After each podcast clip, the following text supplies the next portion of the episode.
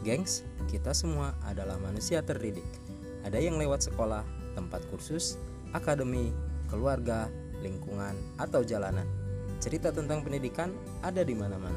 Saya, Atif, akan mengajak kamu mendengarkan cerita dari banyak orang tentang cerita mereka menjalankan dan mempraktekkan pendidikan. Yuk subscribe dan tentunya berkembang bersama. thank you